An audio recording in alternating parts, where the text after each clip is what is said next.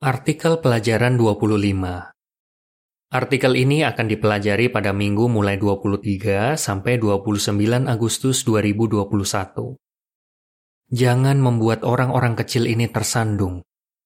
Ayat tema Jangan memandang rendah satupun dari orang-orang kecil ini. Matius 18 ayat 10 Nyanyian nomor 113 Damai yang kita miliki Yang dibahas Karena tidak sempurna, tindakan atau kata-kata kita bisa menyakiti perasaan rekan seiman kita. Kalau itu terjadi, apa yang perlu kita lakukan? Apakah kita berupaya untuk berdamai dengannya? Apakah kita mau segera meminta maaf? Atau apakah kita malah berpikir bahwa itu salah orang yang tersinggung, bukan kita? Nah, bagaimana kalau kita yang tersinggung? Apakah kita sering merasa seperti itu? Apakah kita merasa bahwa kita berhak untuk tersinggung dan tidak perlu berubah? Atau apakah kita menyadari bahwa kita perlu memperbaiki diri? Paragraf 1. Pertanyaan. Apa yang membuat kita masing-masing bisa menjadi hamba Yehua? Yehua menarik kita masing-masing kepadanya. Apa maksudnya? Sewaktu Yehua mengamati miliaran orang di dunia ini, dia melihat sesuatu yang baik dalam diri saudara. Dia tahu bahwa saudara punya keinginan yang tulus untuk menyayanginya. Yehua mengenal, memahami, dan menyayangi saudara. Ini pasti menyentuh hati saudara. Paragraf 2 Pertanyaan: Bagaimana Yesus membantu kita untuk membayangkan perasaan Yehua terhadap setiap dombanya? Yehua sangat peduli kepada setiap hambanya. Supaya kita bisa membayangkan perasaan Yehua tentang hal ini, Yesus memberikan perumpamaan tentang seorang gembala yang punya seratus domba. Waktu salah satu dombanya tersesat, apa yang dilakukan gembala itu? Dia meninggalkan 99 dombanya di gunung dan pergi mencari satu yang tersesat itu. Waktu dia menemukan domba itu, dia tidak menghukumnya, tapi dia sangat senang. Apa pelajarannya? Yehua menganggap setiap dombanya berharga. Yesus berkata, Bapakku yang di surga tidak mau satu pun dari orang-orang kecil ini hilang. Matius 18 ayat 12 sampai 14. Paragraf 3. Pertanyaan. Apa yang akan kita bahas di artikel ini? Kita pasti tidak mau menyakiti perasaan saudara-saudari kita. Jadi, bagaimana supaya kita tidak sampai membuat mereka tersandung? Apa yang bisa kita lakukan kalau ada yang menyakiti perasaan kita? Kita akan membahasnya di artikel ini. Tapi sebelumnya, mari kita cari tahu siapa orang-orang kecil di Matius pasal 18. Siapa orang-orang kecil ini?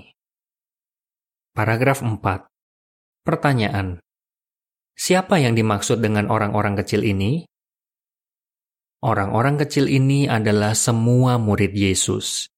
Tidak soal berapa umur mereka, mereka seperti anak kecil karena mereka mau diajar oleh Yesus. Matius 18 ayat 3 Meskipun mereka punya latar belakang, kebudayaan, pendapat, dan kepribadian yang berbeda-beda, mereka semua beriman kepada Yesus Kristus. Itulah sebabnya Yesus sangat menyayangi mereka. Paragraf 5. Pertanyaan. Bagaimana perasaan Yehua kalau ada orang yang menyakiti perasaan salah satu hambanya? Semua orang kecil ini berharga bagi Yehua. Sebenarnya, perasaan Yehua mirip seperti perasaan kita terhadap anak-anak. Karena kita tahu bahwa anak-anak lebih lemah dan kurang berpengalaman dibandingkan orang dewasa, kita mau melindungi mereka. Biasanya, kita tidak suka kalau melihat ada orang yang menyakiti orang lain. Nah, kalau orang yang disakiti itu anak-anak, kita pasti jauh lebih kesal lagi dan bahkan marah. Begitu juga Yehua mau melindungi setiap hambanya. Dia juga merasa kesal dan bahkan marah kalau ada orang yang menyakiti perasaan mereka. Paragraf 6. Pertanyaan. Menurut 1 Korintus 1 ayat 26 sampai 29, bagaimana orang-orang di dunia ini memandang murid-murid Yesus? Apalagi yang membuat murid-murid Yesus bisa disamakan seperti orang-orang kecil. Dunia ini menganggap penting orang-orang yang kaya, terkenal, dan punya kedudukan. Nah, murid-murid Yesus biasanya bukan orang-orang yang seperti itu. Jadi orang-orang di dunia ini menganggap mereka sebagai orang-orang kecil yang tidak penting dan tidak berarti. Tapi Yehua tidak memandang mereka seperti itu. 1 Korintus 1 ayat 26 sampai 29 mengatakan, Saudara-saudara, kalian bisa melihat bahwa di antara kalian yang dipanggil, tidak banyak yang berhikmat di mata manusia, tidak banyak yang berkuasa, dan tidak banyak yang berasal dari keluarga terpandang. Tapi, Allah memilih apa yang dianggap bodoh oleh dunia ini untuk mempermalukan yang berhikmat. Allah memilih apa yang lemah di dunia ini untuk mempermalukan yang kuat. Allah memilih apa yang tidak penting di dunia ini, yang diremehkan dan yang tidak berarti, untuk menghancurkan apa yang berarti, sehingga tidak ada yang bisa berbangga di hadapan Allah. Paragraf 7. Pertanyaan. Bagaimana seharusnya kita memandang saudara-saudari kita? Yehua menyayangi semua hambanya, tidak soal mereka sudah lama atau masih baru dalam kebenaran. Yehua menganggap mereka semua penting. Jadi, kita seharusnya juga menganggap mereka penting. Kita perlu mengasihi semua saudara seiman, bukan hanya beberapa dari mereka. 1 Petrus 2 ayat 17 Kita mau mereka merasa disayangi, dan kita mau berhati-hati agar kita tidak sampai menyakiti mereka. Jadi kalau kita tahu bahwa kita telah menyakiti perasaan saudara seiman kita, kita tidak mau bersikap seolah-olah tidak ada yang terjadi. Kita tidak boleh berpikir bahwa orang itulah yang terlalu sensitif dan dia seharusnya memaafkan kita. Coba pikirkan apa yang bisa membuat saudara-saudari kita tersinggung. Mungkin ada yang merasa rendah diri karena latar belakang mereka. Mereka jadi terlalu memikirkan pendapat orang lain tentang diri mereka, sehingga mereka lebih mudah tersinggung. Ada juga saudara-saudari yang masih baru dalam kebenaran. Jadi mereka mungkin kaget waktu melihat kelemahan saudara-saudari lainnya. Tidak soal kita yang disakiti atau kita yang menyakiti perasaan orang lain, kita perlu berupaya memperbaiki keadaannya. Kalau kita mudah tersinggung, kita perlu berupaya untuk menjadi orang yang tidak terlalu sensitif. Dengan begitu, hati dan pikiran kita bisa menjadi tenang, dan kita bisa punya hubungan yang baik dengan saudara-saudari kita. Anggaplah orang lain lebih tinggi. Paragraf 8. Pertanyaan. Apa pandangan kebanyakan orang Yahudi yang memengaruhi murid-murid Yesus? Apa yang membuat Yesus berbicara tentang orang-orang kecil ini? Waktu itu murid-muridnya bertanya, siapa sebenarnya yang terbesar dalam kerajaan surga? Matius 18 ayat 1. Pada zaman itu, banyak orang Yahudi ingin dianggap penting oleh orang lain. Seorang ahli mengatakan, mereka sangat ingin dihormati dan menjadi terkenal. Bagi mereka, itulah yang terpenting dalam kehidupan. Paragraf 9. Pertanyaan. Apa yang harus dilakukan murid-murid Yesus? Yesus tahu bahwa murid-muridnya harus berjuang untuk membuang semangat bersaing, yang sudah sangat umum di kalangan orang Yahudi. Dia memberitahu mereka Orang yang terbesar di antara kalian harus menjadi seperti yang paling muda, dan orang yang memimpin menjadi seperti yang melayani. Lukas 22 ayat 26 Kita bisa mengikuti nasihat Yesus untuk menjadi seperti yang paling muda, dengan menganggap orang lain lebih tinggi daripada kita. Filipi 2 ayat 3 Kalau kita terus melakukannya, kita kemungkinan besar tidak akan membuat orang lain tersandung. Paragraf 10. Pertanyaan. Apa nasihat Paulus yang perlu kita ikuti? Setiap saudara-saudari kita punya kelebihan yang tidak kita miliki. Dan kita bisa dengan mudah mengetahui kelebihan mereka kalau kita berfokus pada sifat-sifat baik mereka. Kita perlu merenungkan dan mengikuti nasihat Rasul Paulus untuk orang Kristen di Korintus. Dia mengatakan, "Apa yang membedakan kalian dari orang lain? Sebenarnya, bukankah semua milik kalian adalah pemberian? Kalau itu memang pemberian, kenapa kalian bangga seolah-olah itu bukan pemberian?" 1 Korintus 4 ayat 7. Jadi, kita perlu berhati-hati supaya tidak menjadikan diri kita pusat perhatian atau menganggap diri kita lebih tinggi daripada yang lain. Misalnya, kalau kita terampil dalam menyampaikan khotbah atau terampil dalam dinas sehingga punya banyak pelajar Alkitab, kita seharusnya memberikan pujian yang kita dapatkan kepada Yehua. Ampunilah saudara kalian dari hati. Paragraf 11. Pertanyaan. Apa yang kita pelajari dari perumpamaan Yesus tentang seorang raja dan budaknya? Setelah Yesus menasihati para pengikutnya untuk tidak menjadi sandungan bagi orang lain, dia memberikan perumpamaan tentang seorang raja dan budaknya. Budak itu punya utang yang sangat besar terhadap sang raja, yang tidak akan bisa dia bayar. Sang raja dengan baik hati menganggap lunas semua utang budak itu. Tapi belakangan, budak itu menuntut budak lain yang berhutang kepadanya untuk melunasi utang yang nilainya jauh lebih kecil. Waktu sang raja tahu tentang itu, dia menjebloskan budak yang jahat itu ke penjara. Apa pelajarannya?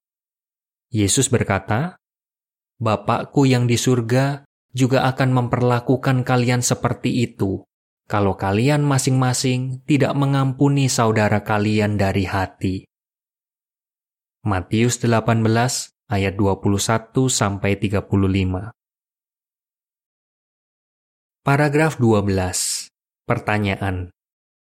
Kalau kita tidak mau mengampuni, apa pengaruhnya terhadap orang lain? Tindakan budak yang jahat itu tidak hanya merugikan dirinya sendiri, tapi juga orang-orang lain. Pertama, budak itu merugikan budak yang berutang kepadanya dengan menjebloskan dia ke penjara sampai dia bisa melunasi utangnya. Kedua, budak itu menyakiti perasaan budak-budak lain yang tahu tentang perbuatan dia. Alkitab mengatakan, Sewaktu budak-budak lain melihat apa yang terjadi, mereka sangat sedih. Sama seperti itu, tindakan kita ada pengaruhnya terhadap orang lain. Kalau kita tidak mau mengampuni orang yang berbuat salah kepada kita, apa yang bisa terjadi? Pertama, kita bisa menyakiti orang itu karena sikap kita mungkin menunjukkan bahwa kita tidak lagi menyayangi dia dan peduli kepadanya. Kedua, kita bisa membuat saudara-saudari di sidang merasa tidak nyaman waktu mereka tahu bahwa kita sedang ada masalah dengan orang itu. Paragraf 13. Pertanyaan. Apa yang saudara pelajari dari pengalaman Kristin? Kalau kita mengampuni saudara-saudari kita, kita dan orang lain akan merasakan manfaatnya. Itulah yang dialami seorang perintis bernama Christine. Dia sempat tersinggung dengan seorang saudari di sidangnya. Christine bercerita, Kadang waktu dia bicara ke saya, kata-katanya sangat kasar, dan itu melukai perasaan saya. Saya jadi tidak mau dinas sama dia. Akibatnya, saya jadi malas dinas dan tidak bahagia. Awalnya, Christine merasa sikapnya terhadap saudari itu tidak salah. Tapi belakangan, dia berupaya membuang rasa kesalnya terhadap saudari itu dan tidak hanya memikirkan perasaannya sendiri.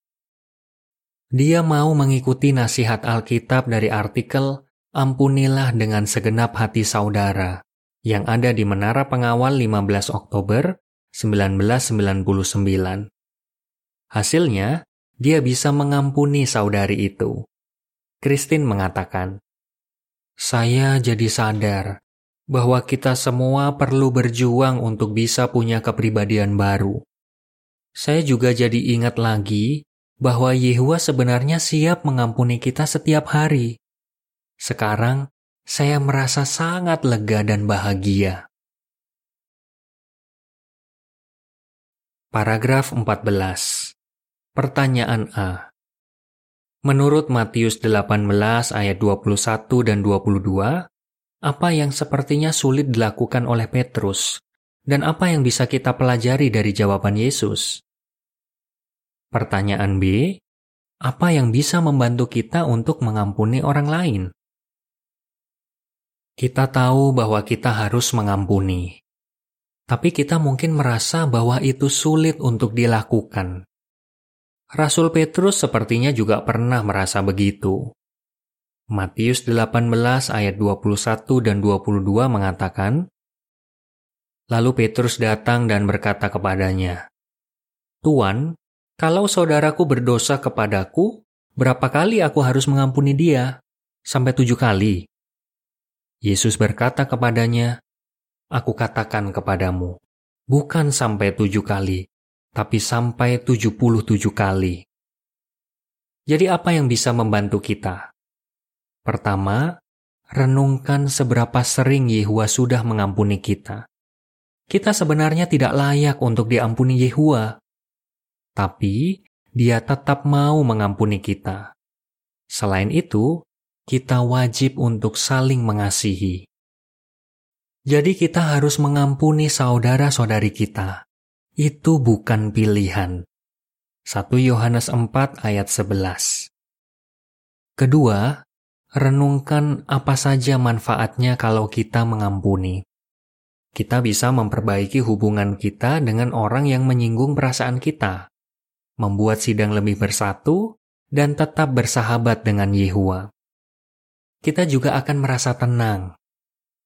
Ketiga, berdoalah kepada Yehua yang meminta kita untuk mengampuni orang lain.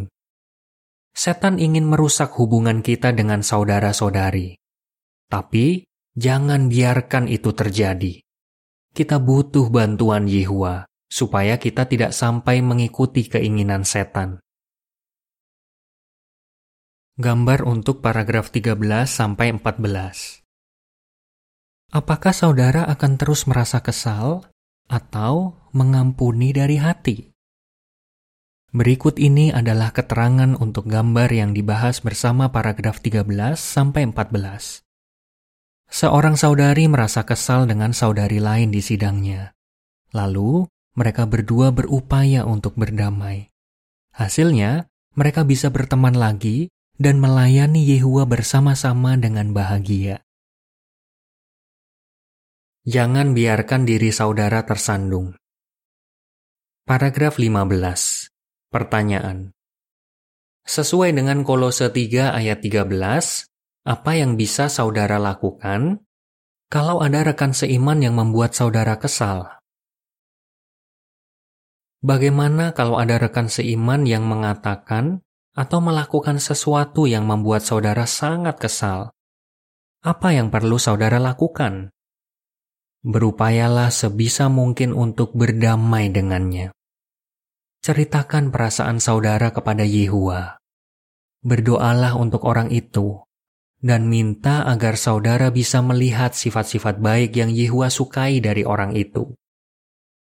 Kalau saudara masih sulit memaafkannya, cobalah untuk berbicara baik-baik dengannya. Janganlah berpikir bahwa dia sebenarnya bermaksud menyakiti saudara. Tapi bagaimana kalau dia tidak mau berdamai dengan saudara? Tetaplah bersabar kepadanya. Teruslah berharap bahwa suatu saat nanti dia akan berdamai dengan saudara. Kolose 3 ayat 13 mengatakan, Kalaupun ada alasan untuk tersinggung, kalian harus tetap bersabar satu sama lain dan saling memaafkan dengan tulus. Sama seperti Yehua dengan tulus memaafkan kalian, lakukan itu juga. Dan yang terpenting, janganlah terus merasa kesal terhadap orang itu, supaya persahabatan saudara dengan Yehua tidak rusak. Jangan biarkan apa pun membuat saudara tersandung. Dengan begitu, saudara membuktikan bahwa saudara lebih menyayangi Yehua daripada apa pun. Paragraf 16. Pertanyaan. Tanggung jawab apa yang saudara miliki? Kita semua melayani Yehua sebagai satu kawanan dengan arahan dari satu gembala. Kita pasti sangat bersyukur atas persatuan ini. Yohanes 10 ayat 16 Buku di organisasi untuk melakukan kehendak Yehua, halaman 165 menyatakan, Karena mendapat manfaat dari persatuan ini, saudara punya tanggung jawab untuk menjaganya. Jadi kita perlu melatih diri untuk melihat orang lain sesuai dengan cara Yehua. Bagi Yehua, kita semua adalah orang-orang kecil yang berharga. Apakah saudara punya pandangan yang sama seperti Yehua? Ingatlah bahwa Yehua memperhatikan dan menghargai semua upaya saudara untuk membantu rekan seiman dan menjaga perdamaian dengan mereka. Paragraf 17. Pertanyaan. Apa tekad kita? kita menyayangi saudara-saudari kita. Karena itu, kita mau bertekad untuk tidak menaruh batu sandungan atau penghalang di depan saudara kita. Roma 14 ayat 13. Kita mau menganggap mereka lebih tinggi daripada kita. Kita juga mau memaafkan mereka dari hati. Selain itu, kita tidak mau membiarkan diri kita tersandung karena orang lain. Jadi, mari kita lakukan semua hal yang menghasilkan perdamaian dan yang menguatkan satu sama lain. Roma 14 ayat 19 Apa jawaban saudara? Siapa yang dimaksud orang-orang kecil di Matius pasal 18? Apa yang bisa kita lakukan untuk menganggap orang lain lebih tinggi daripada kita? Kalau kita sulit mengampuni rekan seiman kita, apa yang bisa kita lakukan? Nyanyian nomor 130 Rela mengampuni Akhir artikel